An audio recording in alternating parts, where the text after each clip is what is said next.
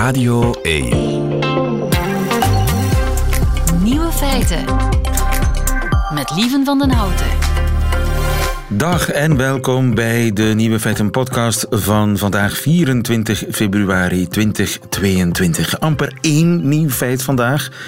Waar de wereld zich al weken schrap voor zet, is vannacht gebeurd.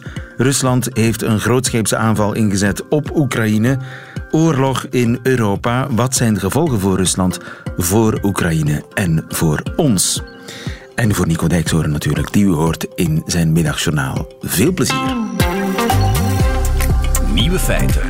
Oorlog in Europa, oorlog tussen Oekraïne en Rusland, waar de wereld zich al weken schrap voor zet, heeft zich vannacht voltrokken. Rusland zette een grootscheepse aanval in op Oekraïne. Overal in het land zijn militaire doelen bestookt.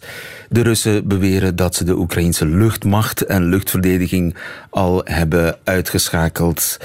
Hendrik Vos, goedemiddag. Goedemiddag, lieven. Hallo. De Europa-professor van de Universiteit van Gent, de Europese Unie, die reageert met sancties, blokkeert onder meer de toegang van de Russische banken tot de Europese financiële markten, ook de tegoeden van allerlei hoge ooms in de inner circle van Poetin, die tegoeden worden bevroren. Heeft de Europese Unie nog meer achter de hand?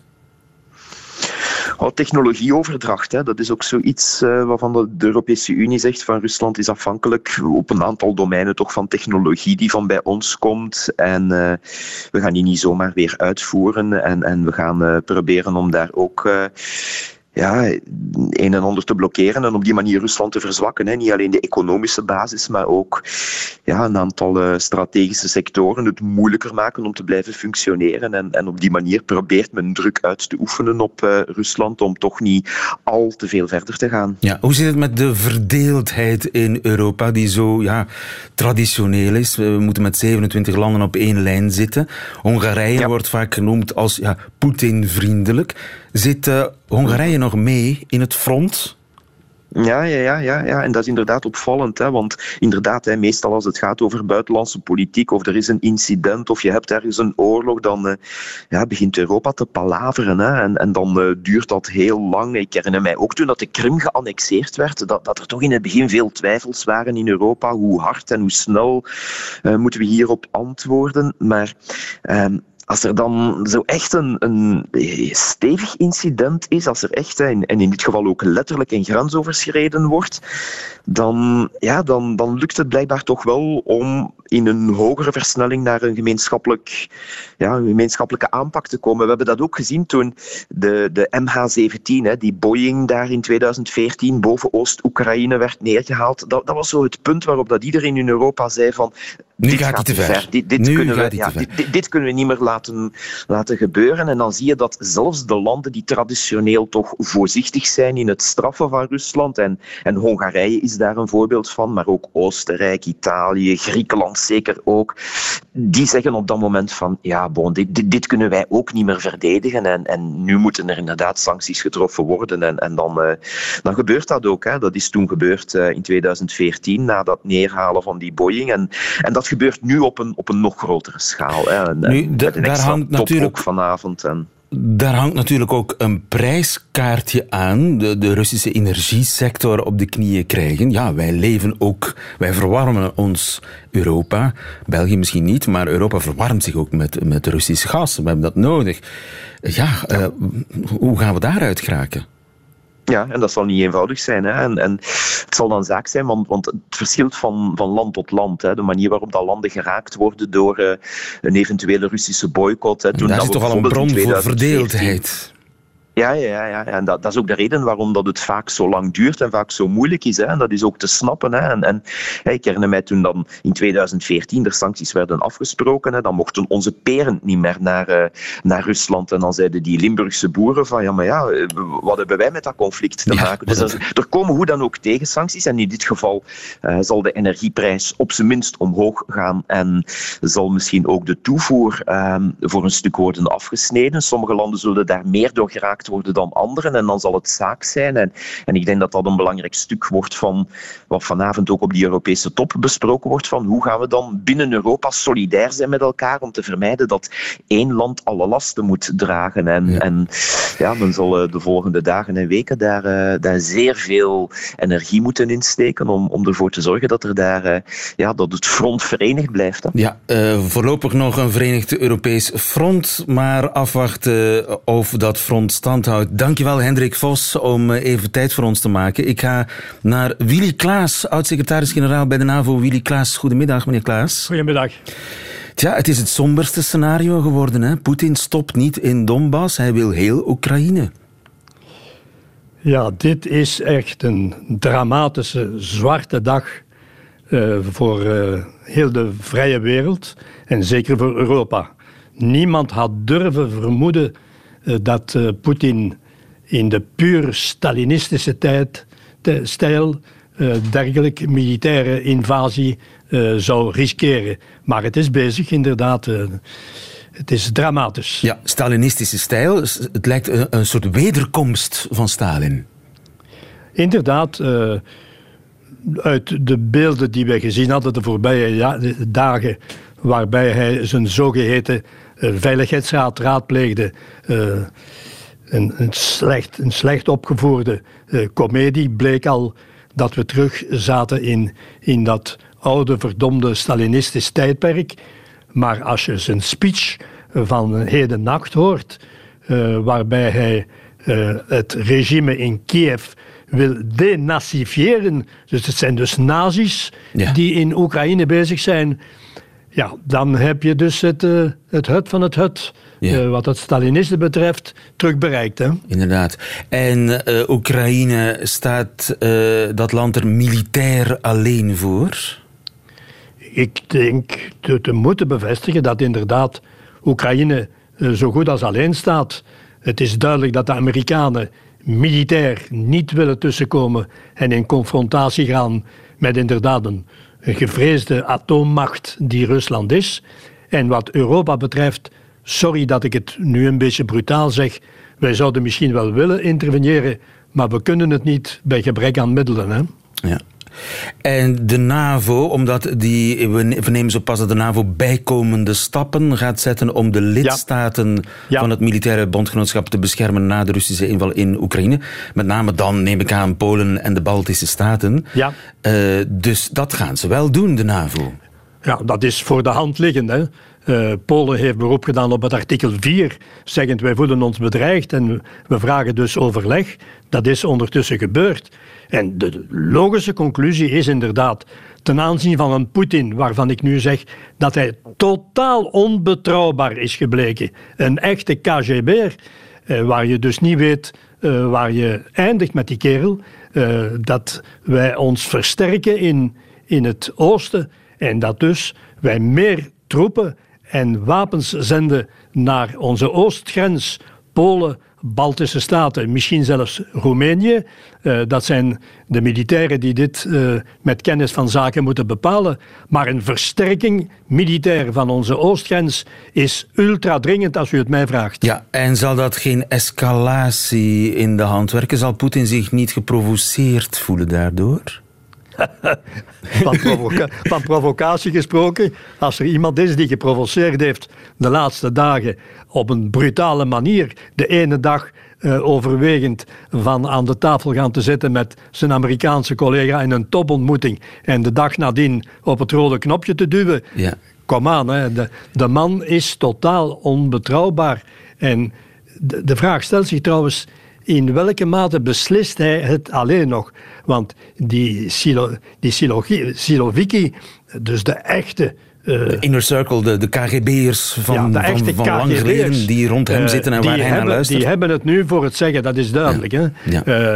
Uh, die proberen zelfs de, de oligarchen, degenen die zich rijk gestolen hebben in de voormalige Sovjet-Unie, en die het nu al bij al niet slecht deden bij ons, op de in de banken in Zwitserland, tot en met de, de voetbalclubs in, in, in Groot-Brittannië.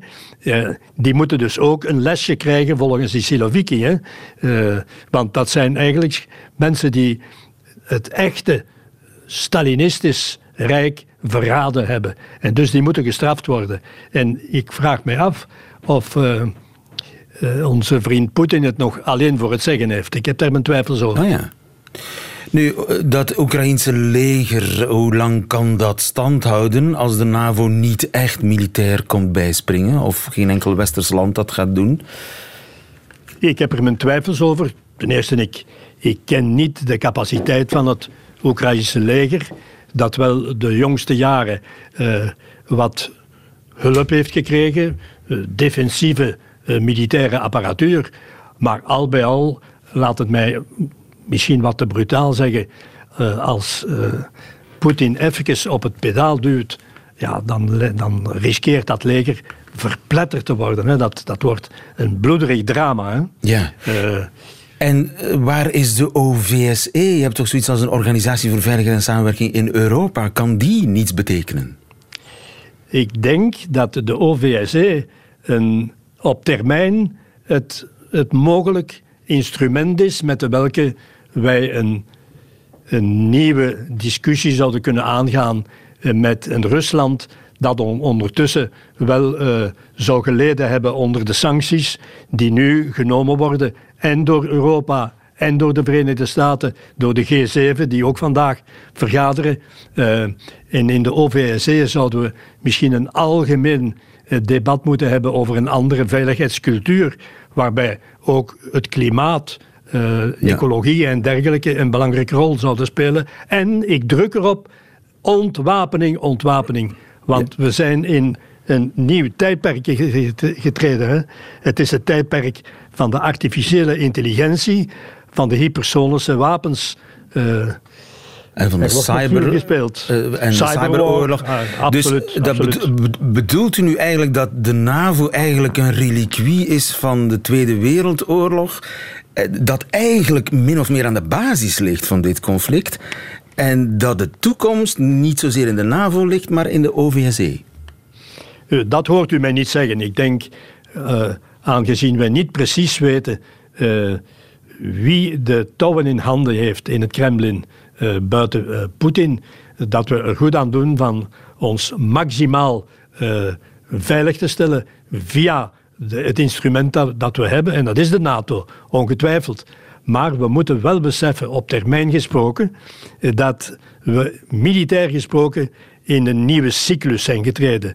Het is, zoals ik zei, de cyclus van de artificiële intelligentie, van de cyberwar, van de drones, Ja. van de hypersonische wapens, van de killerrobots, van de algoritmen. Uh, er is dus dringend behoefte vanuit het oogpunt van de, de toekomst voor de mensheid, behoefte aan overleg, aan gezond verstand en, ik herhaal het, aan ontwapening. Ja. Maar daar zijn we op dit ogenblik ver vanaf. Hè? Ja, onze militaire architectuur, wereldarchitectuur, zeg maar, zit op zijn grenzen en er moet dringend nagedacht worden over de toekomst daarvan. Willy Klaas, dankjewel, oud-secretaris-generaal van de NAVO. Marijn Trio hangt nog aan de lijn, die zit in Oekraïne.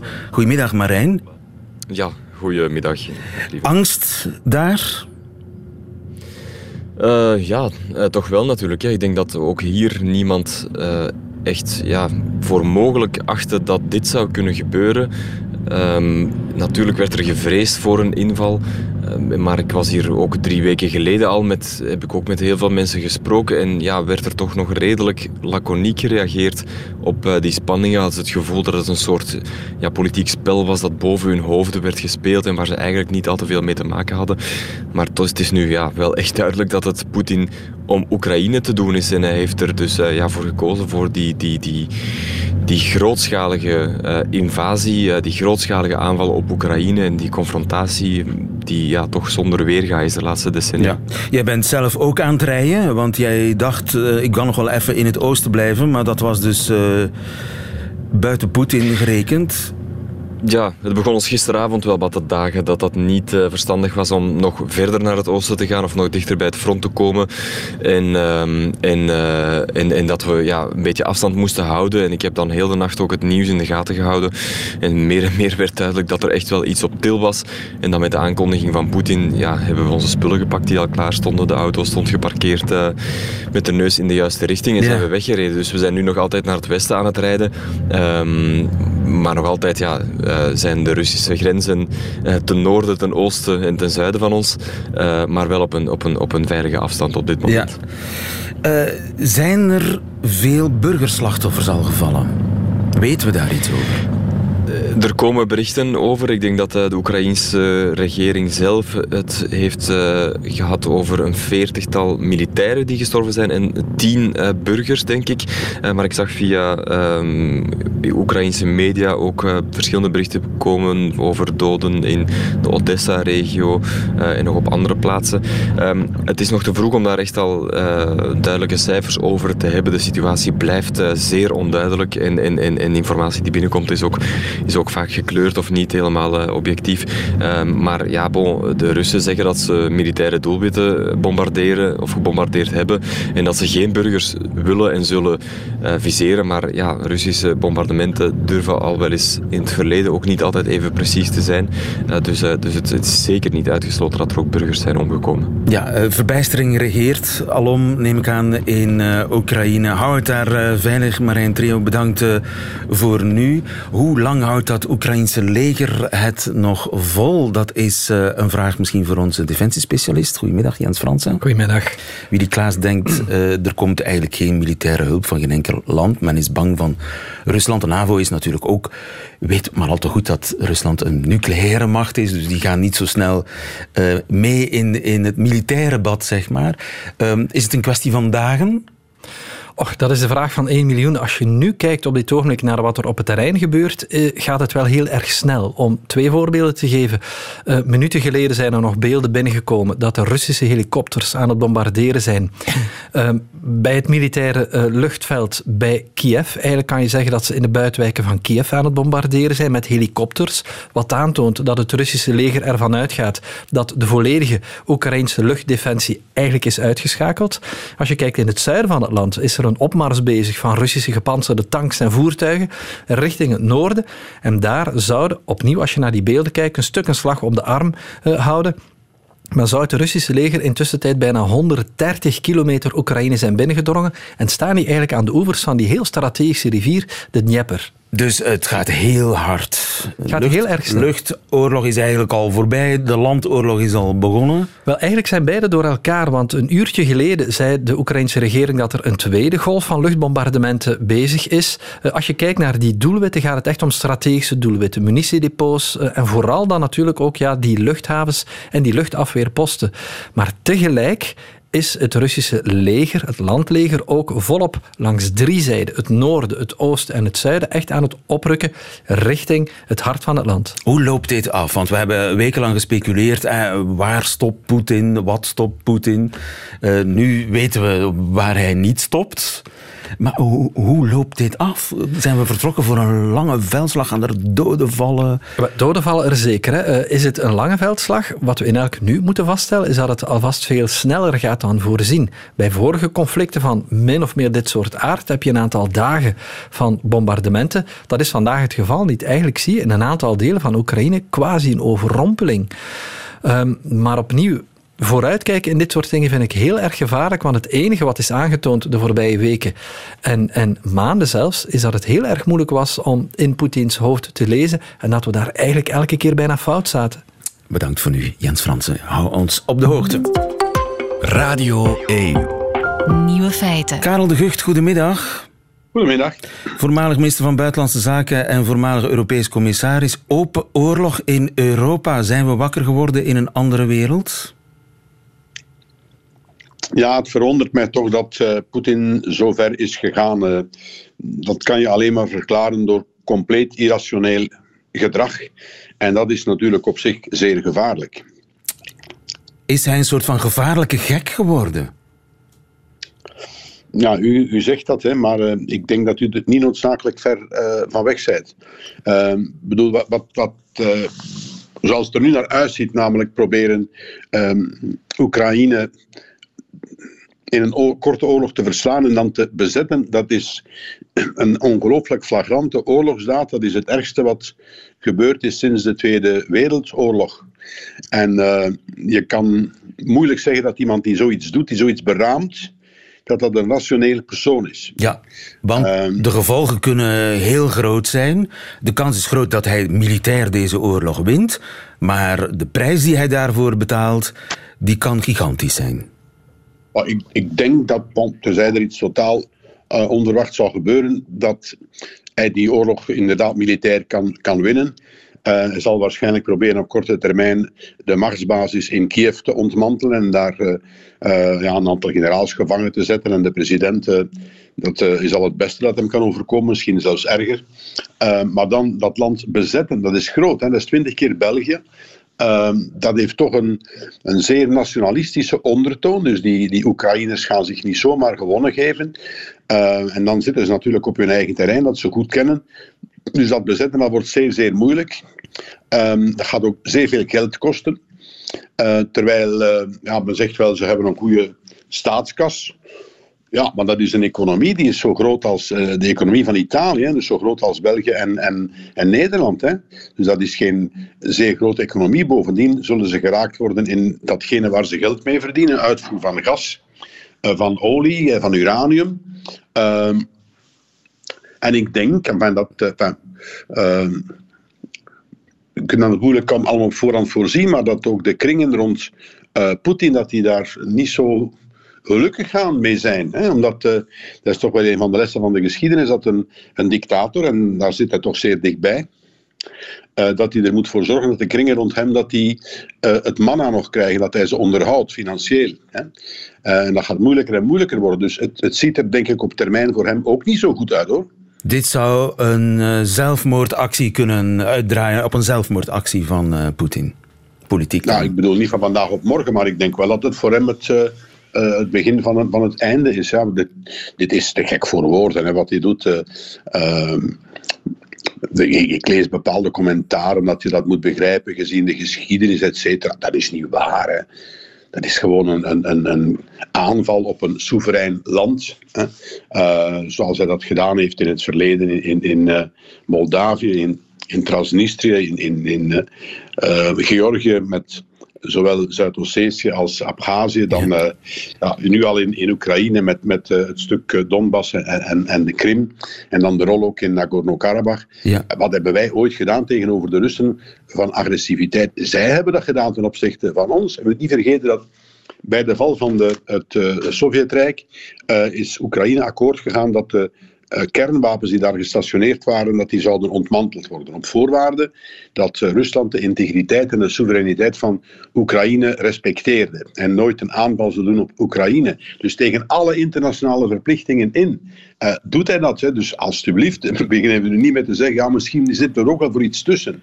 Er zit daar wel niks tussen. Hè? Wat ik, zo, eh, wat ik niet begrijp is, dit conflict smeult al jaren, eh, de Oekraïnse conflict.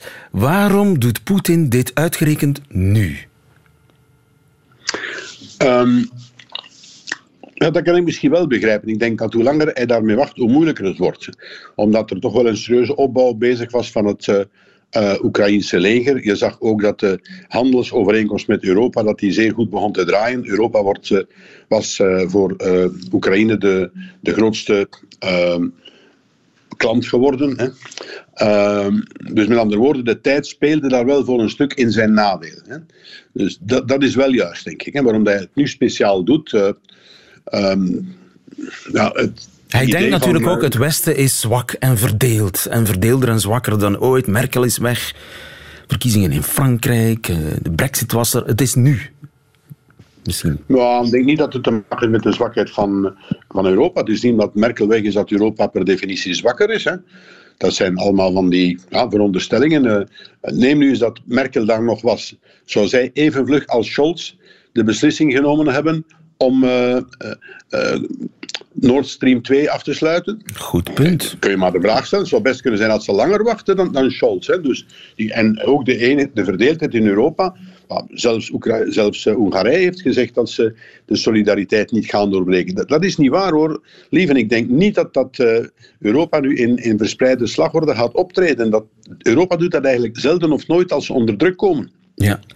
Heeft u enig idee eh, hoe de toekomst eruit ziet? Kunnen wij iets doen om het geweld te reduceren? Om, om Poetin nog enigszins in het gareel te houden?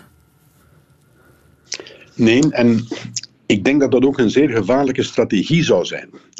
Als je daar nu gaat mee praten, dan krijg je een, een München-moment. Hè? Dus wat er gebeurd is uh, na de bezetting van Sudetenland door, door Duitsland. Hè? Uh, en met Neville Chamberlain, hè, die, die dacht dat hij op die manier de oorlog kwam voorkomen. Je zit nu in een oorlogslogica en ik denk dat op dit moment uh, doen alsof je dat nog diplomatiek kan oplossen. door ja, Poetin een stukje gelijk te geven. En dat is dan de redenering natuurlijk, dat dat eigenlijk de, de slechtste strategie mogelijk zou zijn. Je zit nu in een oorlogslogica en alleen kan die beëindigen. En dus kunnen we alleen maar uh, economisch het land uh, zoveel mogelijk raken. Daar gaan we natuurlijk ook zelf een economische prijs voor betalen. Kunnen we bijvoorbeeld zonder Russisch gas? Ja, België kan zonder Russisch gas. Hè, omdat uh, België praktisch ja, 1% of zo van uh, zijn gas uh, invoert uit, uit, uit Rusland. Ehm, het heeft te maken met de positie van Zeebrugge, waar al die pijpleidingen naartoe komen en waar ook de schepen ehm, die vloeibaar gas vervoeren, dus dat gas opnieuw in gasvorm wordt gebracht. Dus ja, maar de rest van Europa heeft toch Russisch gas nodig? En... Ja, ja, ja, en je kan ervan uitgaan dat als het inderdaad moeilijk wordt, dat er dan een soort van burden sharing zal komen in Europa, waar uh, ja, men uh, een aantal uh, gasbronnen zal onder één koepel brengen, zodat er een verdeling gebeurt. Dat, dus we gaan dat voelen in België. We moeten ons daar geen enkele illusie over maken. En dat uh, gaat natuurlijk ook uh, de economische heropleving die er nu zat aan te komen, omdat COVID, het einde van COVID in zicht is, uh, gaat dat, die, die gaat genekt worden, die economische heropleving. Dat is evident. Hè? dus ook, ook Europa gaat daar een heel zware prijs voor betalen. Europa zal daar het, het ja, de gevolgen van dragen uh, economisch. Maar ik, je kan er misschien ook wel van uitgaan dat Europa zich wel eens wat beter gaat realiseren dat ze wel degelijk veiligheidsproblemen hebben. Hè? Wat men de voorbije jaren deed, alsof dat, dat eigenlijk niet zo was. We hebben wel degelijk veiligheidsproblemen.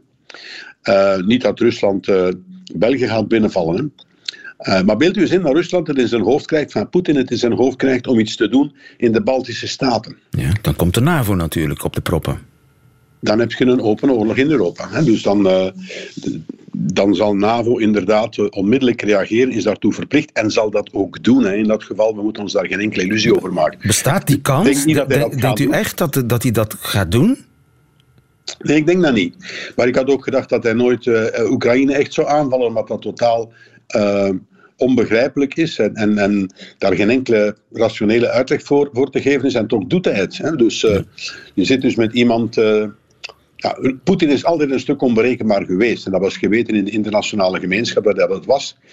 Maar dat hij tot dit in staat was, dat had eigenlijk niemand ingeschat. Hè. Dus dan weet je op een bepaald ogenblik ook niet meer met wie je eigenlijk te maken hebt. Hè. Ja, en dat betekent dat we in een uh, wereld leven die voor een heel groot stuk uh, gevaarlijker is geworden na vannacht. Dankjewel voor uh, de toelichting. Karel de Gucht. Goedemiddag. Goedemiddag. Nieuwe feiten. Radio 1. En we gaan nog even naar Rusland. Daar zit Eva Kukier. Goedemiddag, Eva. Ja, goedemiddag. Je bent uh, correspondent Rusland en Oekraïne voor NRC, de Nederlandse krant. Waar ben je ergens? Niet ver van Oekraïne, dacht ik, hè? Ik ben op dit moment in Taganrog. Dat is een stad uh, helemaal in het zuiden van Rusland, niet ver van Rostov. En dat ligt op ongeveer 30 kilometer van de grens met Donetsk, de, de Donetsk Volksrepubliek. En wat schrijven de Russische kranten vandaag over de invasie? De Russische kranten, dan hebben we het natuurlijk over de staatsmedia. Die uh, schrijven dat uh, hè, de Oekraïnse agressie is begonnen. Dat er van Oekraïnse zijde wordt aangevallen. En natuurlijk is er heel veel aandacht voor de Russische troepen. Die ehm, daar in de regio hè, de, de Russische bevolking gaan beschermen. Ja, dus het verhaal is eigenlijk helemaal omgekeerd dan het verhaal dat wij kennen. Namelijk het Russische leger bevrijdt Oekraïne van regime. Ja, dat is natuurlijk de boodschap die we van Poetin vannacht hebben gehoord. De motivatie om deze oorlog te, te beginnen. En uh, dan gaat het inderdaad over dena nee, denazificatie, had hij het over. En uh, ja, dat uh, de Oekraïnse machten teruggedro teruggedrongen moeten worden. En Piotr met de pet, als ik hem zo mag noemen, of Olga met. Wat, wat hadden we ook? We hadden ooit daar iets, iets voor bedacht. Maar Piotr met de pet, hoe reageert. Gelooft hij dat verhaal? Uh, u moet uh, realiseren dat mensen hier natuurlijk, hè, zo, zoals wij in onze informatiewereld verkeren, de mensen hier in hun informatiebubbel zitten. Heel veel mensen die volgen natuurlijk de Russische staatsmedia en die geloven dat ze worden aangevallen door Oekraïne. Ik heb veel evacuees gesproken de afgelopen dagen hier, die vanuit Donetsk en Luhansk deze kant op zijn gekomen met de trein of met de auto of lopend zelfs de grens over, met tassen en met kinderen. En die zijn doodsbenauwd. die hebben het over aanvallen op hun uh, dorpen en steden. En uh, ja, die zijn echt, uh, nou ja, die voelen zich echt een vluchteling. Ja. En Piotr met de pet, ja, die kijkt daarnaar. En die ja, veel mensen proberen zich afzijdig te houden. heel veel mensen zijn natuurlijk ontzettend bezorgd. Maar tegelijkertijd weten ze hier heel goed dat de oorlog niet hier plaatsvindt, maar in Oekraïne. Ja, en is het hun oorlog? Voelen ze mee? Of denken ze dat is echt helemaal ver van ons bed? Ik heb dat, wat hebben wij daarmee te maken? De gewone, de gewone Rus, zeg maar. Ja, dat is natuurlijk lastig. Russen hebben het lang geprobeerd te ontkennen. En Russen hebben lang gezegd, hè, dit is niet onze oorlog. Uh, uh, het is het Westen die, die, die, die, deze agressie opstookt. En ja, we moeten ons nu wel verdedigen. Er is ontzettend veel solidariteit met de mensen die vanuit Donetsk en Luhansk deze kant op komen. Mensen worden met open armen ontvangen, uh, ondergebracht, et cetera. Maar um, ja, dit is natuurlijk een totaal andere situatie dan, dan, dan jullie daar horen. Ja. Tuurlijk, de Russen hebben de voorbije jaren hun inkomen zien dalen. Ze zijn armer geworden, de dingen worden duurder. Het Westen wil Rusland nu economisch op de knieën krijgen. Ja, wie zal dat betalen? De gewone Rus. Ja, daar zal het zeker uh, wel op lijken. Kijk, Rusland heeft uh, veel reservegeld, uh, veel reservefondsen. Die, hè, het leger moet ook onderhouden worden. Deze oorlogsoperaties kosten ontzettend veel geld. Um, er zijn natuurlijk nu sancties afgekondigd. Er zijn vandaag al berichten dat mensen in de rij staan voor banken. Ook in Moskou, ook in andere steden. Um, en ja, hoe dat verder voor hun direct zal uitpakken is natuurlijk de vraag. Maar het is wel zo dat Russen dit steeds minder kunnen ontkennen. Daarbij is er een kleine groep, of ja, een kleine of een onzichtbare groep misschien van heel veel Russen die de oorlog absoluut niet steunen, die uh, dit verschrikkelijk vinden wat er gebeurt, die hun regering daar niet in steunen en die zich uitspreken op de sociale media. Uh, maar de sancties zijn, uh, daartegen zijn groot. je riskeert veel. Um, de laatste berichten zijn ook dat media hier worden opgeroepen of opgeroepen. Ze krijgen het bevel om alleen nog maar Russische bronnen te citeren. Dus de sancties, hè, de repressie hier in Rusland wordt ook opgevoerd tegen stemmen die, nou ja, die opklinken, die, die het hier absoluut niet mee eens zijn en die echt met afschuw kijken met, met, naar wat er gebeurt. Ja, ik, ik had hier uh, zo net de oud-secretaris-generaal van de NAVO, Willy Klaas, te gast. En die zei: Stalin is terug. Ik wil daar van mij een reactie op. Ja, ik weet niet. Voelt, voelt dat, voelt, voelen de Russen dat ook zo aan, dat Stalin helemaal terug is? Absoluut niet natuurlijk. Uh, Stalin en Poetin zijn voor de Russen totaal verschillende mensen. Ik denk voor iedereen. Um, het is wel zo dat ik mensen spreek die zeggen... ja, het was beter in de Sovjet-Unie. We hadden geen oorlog. En mensen zeggen hier ook... we willen geen oorlog met Oekraïne. We willen vreedzaam met Oekraïners samenleven. Maar ze geven, ze laten ons geen keus. Dus um, uh, mensen die... Mensen, je ziet de burgers die hier wonen. De mensen die hier al acht jaar... He, uh, in een verschrikkelijke situatie verkeren... aan de Oekraïnse en aan de Russische kant. En daartussenin die twee republiekjes, die, uh, die zijn het slachtoffer van dit alles. Die willen dit ook niet. En Russen hier, uh, iedereen kijkt met afschuw naar wat er gebeurt. Alleen de redenen, de motivatie en wie is de aanstichter, die, die vragen worden op verschillende manieren beantwoord. Ja, uh, maar Poetin blijft populair bij heel veel Russen. Absoluut. Ja, er is veel steun voor Poetin. Uh, tegelijkertijd, nogmaals, veel Russen durven zich niet uit te spreken. En er staan hele harde sancties op, op je uitspreken. Uh, veel, eh, veel mensen zijn de afgelopen jaar uh, in de gevangenis verdwenen al voor een tweet of een like. En het is dus ook voor Russen steeds moeilijker geworden om A, hè, je onafhankelijk informatie te vergaren en B, je mening te geven. Maar dat is geen, ja, dat is niet, dat is geen excuus, maar het is wel hè, de realiteit waar deze mensen hier in leven. Eva Kukier aan de Russisch-Oekraïnse grens. Dankjewel voor nu. Goedemiddag. Dag. 24 februari zal een dag zijn, 2022, die in de geschiedenisboeken in het rood staat. Ik ben benieuwd hoe het tot nu toe Nico Dijkshoorn is vergaan in Leiden. Dit is zijn middagjournaal. Nieuwe feiten. Middagjournaal. Beste luisteraars, in 1980 liep ik door Sarajevo in een land dat toen nog Joegoslavië heette. Ik dwong mijzelf twee verschillende kerken te bezoeken. Ik wilde als geboren heiden van dichtbij zien hoe dat werkte. Twee kerken, bijna tegen elkaar aangebouwd. En dat ze allebei geloofden dat in de andere kerk de verkeerde God werd aanbeden. Daarna liep ik door de stad. Het was mijn eerste multiculturele wandeling. Iedereen liep broederlijk door elkaar heen. Het was een wonderschone stad. Twaalf jaar later zag ik bommen vallen op Sarajevo. De stad werd vier jaar lang belegerd en uitgehongerd. En opeens was Sarajevo de hoofdstad van Bosnië. Beste luisteraars, ik lees zojuist dat Rusland en Oekraïne met elkaar in oorlog zijn. En nu denk ik aan die vier jaar oorlog in Sarajevo. Wat deed ik toen? Heb ik toen doodstil op bed gelegen? Heb ik mij aangemeld bij een vredesleger? Ben ik met een konvooi meegereden om de mensen in voormalig Joegoslavië 4000 liter kwark te brengen of oude t-shirts met vergeten merknamen? Nee, ik keek voetbal. Ik twijfelde of ik een nieuwe gitaar zou kopen. Ik twijfelde over mijn vakantiebestemming en misschien was het wel leuk om een keer mijn haar te laten groeien. Sarajevo lag hemelsbreed op 1350 kilometer afstand. Kinderen werden in het stadje Mostar tegen een muur gesmeten. En mensen werden van een brug gegooid. En ik stond in een supermarkt na te denken over het avondeten.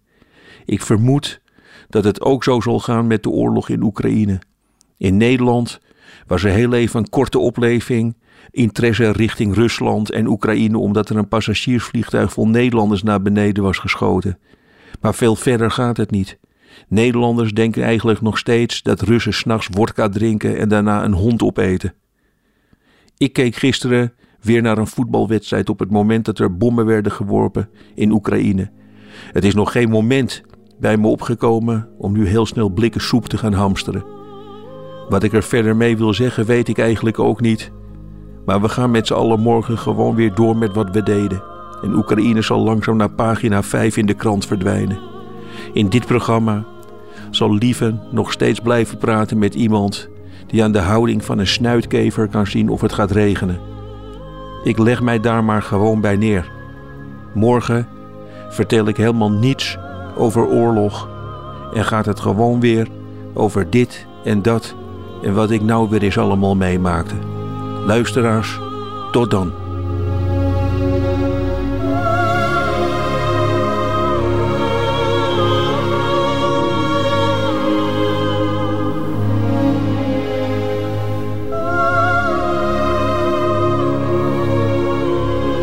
Wie zei het ook alweer? Laten we ons nergens wat van aantrekken en op de gewone tijd gaan eten. Volgens mij was het uh, iemand in de avonden van Gerard Reven. Nico Dijkshoorn in het middagjournaal. En ik ben benieuwd of we het inderdaad over de bevensnuit zullen hebben. Of over de koe. Wie weet, morgen. Tot een volgende keer.